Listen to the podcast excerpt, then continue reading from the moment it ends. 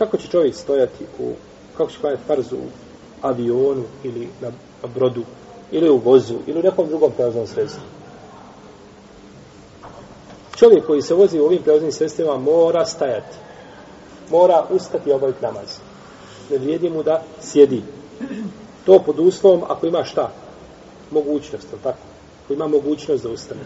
Protivno bi ga opteretili mimo njegovih mogućnosti. Čovjek leti iz, na primjer, ne znam, Sarajeva za London, za Ameriku, od dalje.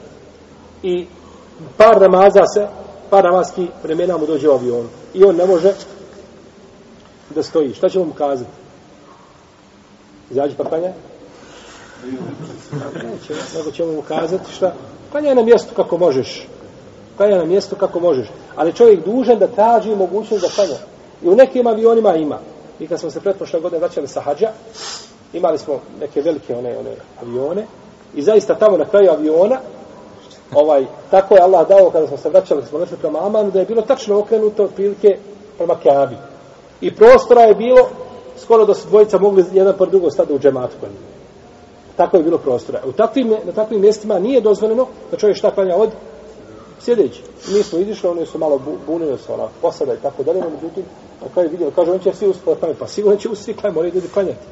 Međutim, Allah je dao, znači, da se, da su ustali jedan po jedan i dolazili tu i mijenjali se, znači, klanjali. Kad ima takva mogućnost, no, međutim, ovi manji avioni, gdje stalno te posade prolaze i tako dalje, tu je već, tu je već sigurno teže i ne može se ovaj lahko klanjati. Uglavnom, ako čovjek ima mogućnost, treba to iskoristiti. Može se u autobusu klanjati stojeći, ovaj, no međutim, prilično je opasno. Prilično je opasno.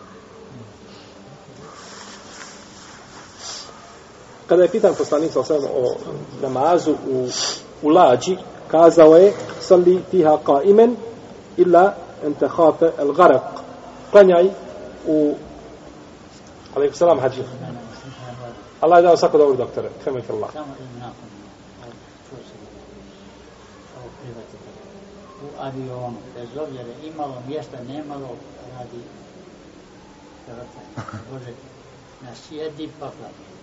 Allah te nagradio svaki dobro. Allah te nagradio. Dakle, a, kaže, da, kako se klanja u lađi? Kaže, u lađi se klanja, klanja je stojeći, osim ako se bojiš da se ne ugušiš. Osim ako se bojiš da se ne ugušiš. U svakom slučaju nećemo, o nećemo puno, puno imat ćete u knjizi o namazu, ovaj, u novom izdanju ja sam opširnije govorio o, o namazu u lađi, mišljenjima islamskih učenjaka, kako se klanja i na brodu i to vrijedi za druga prevozna sredstva, pa možete išao kao to pogledati, tamo je spomenuto. Oslanjanje na nešto, e, oslanjanje znači na, e, na određenu stvar kada čovjek klanja.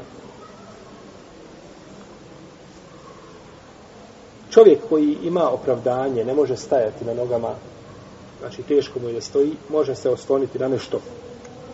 I kako kaže uzvišeni Allah šano fetaku Allahe vastatatum i bojite se Allaha koliko možete i došlo je u hadisu Kajsa Kajsa da je ili Umu Kajs bintu Mihsan da je poslanik sallallahu kada je ostario a da je imao jedan stup na koji se oslanjao dok je klanjao dok je klanjao. Kaže šeha Albani da je ovaj hadis vjerodostojan. Pa znači da se čovjek da ne može staviti, da se ostavi na štap i tako dalje. Sve što, sve što dozvoljene znači stvari u šarijatu.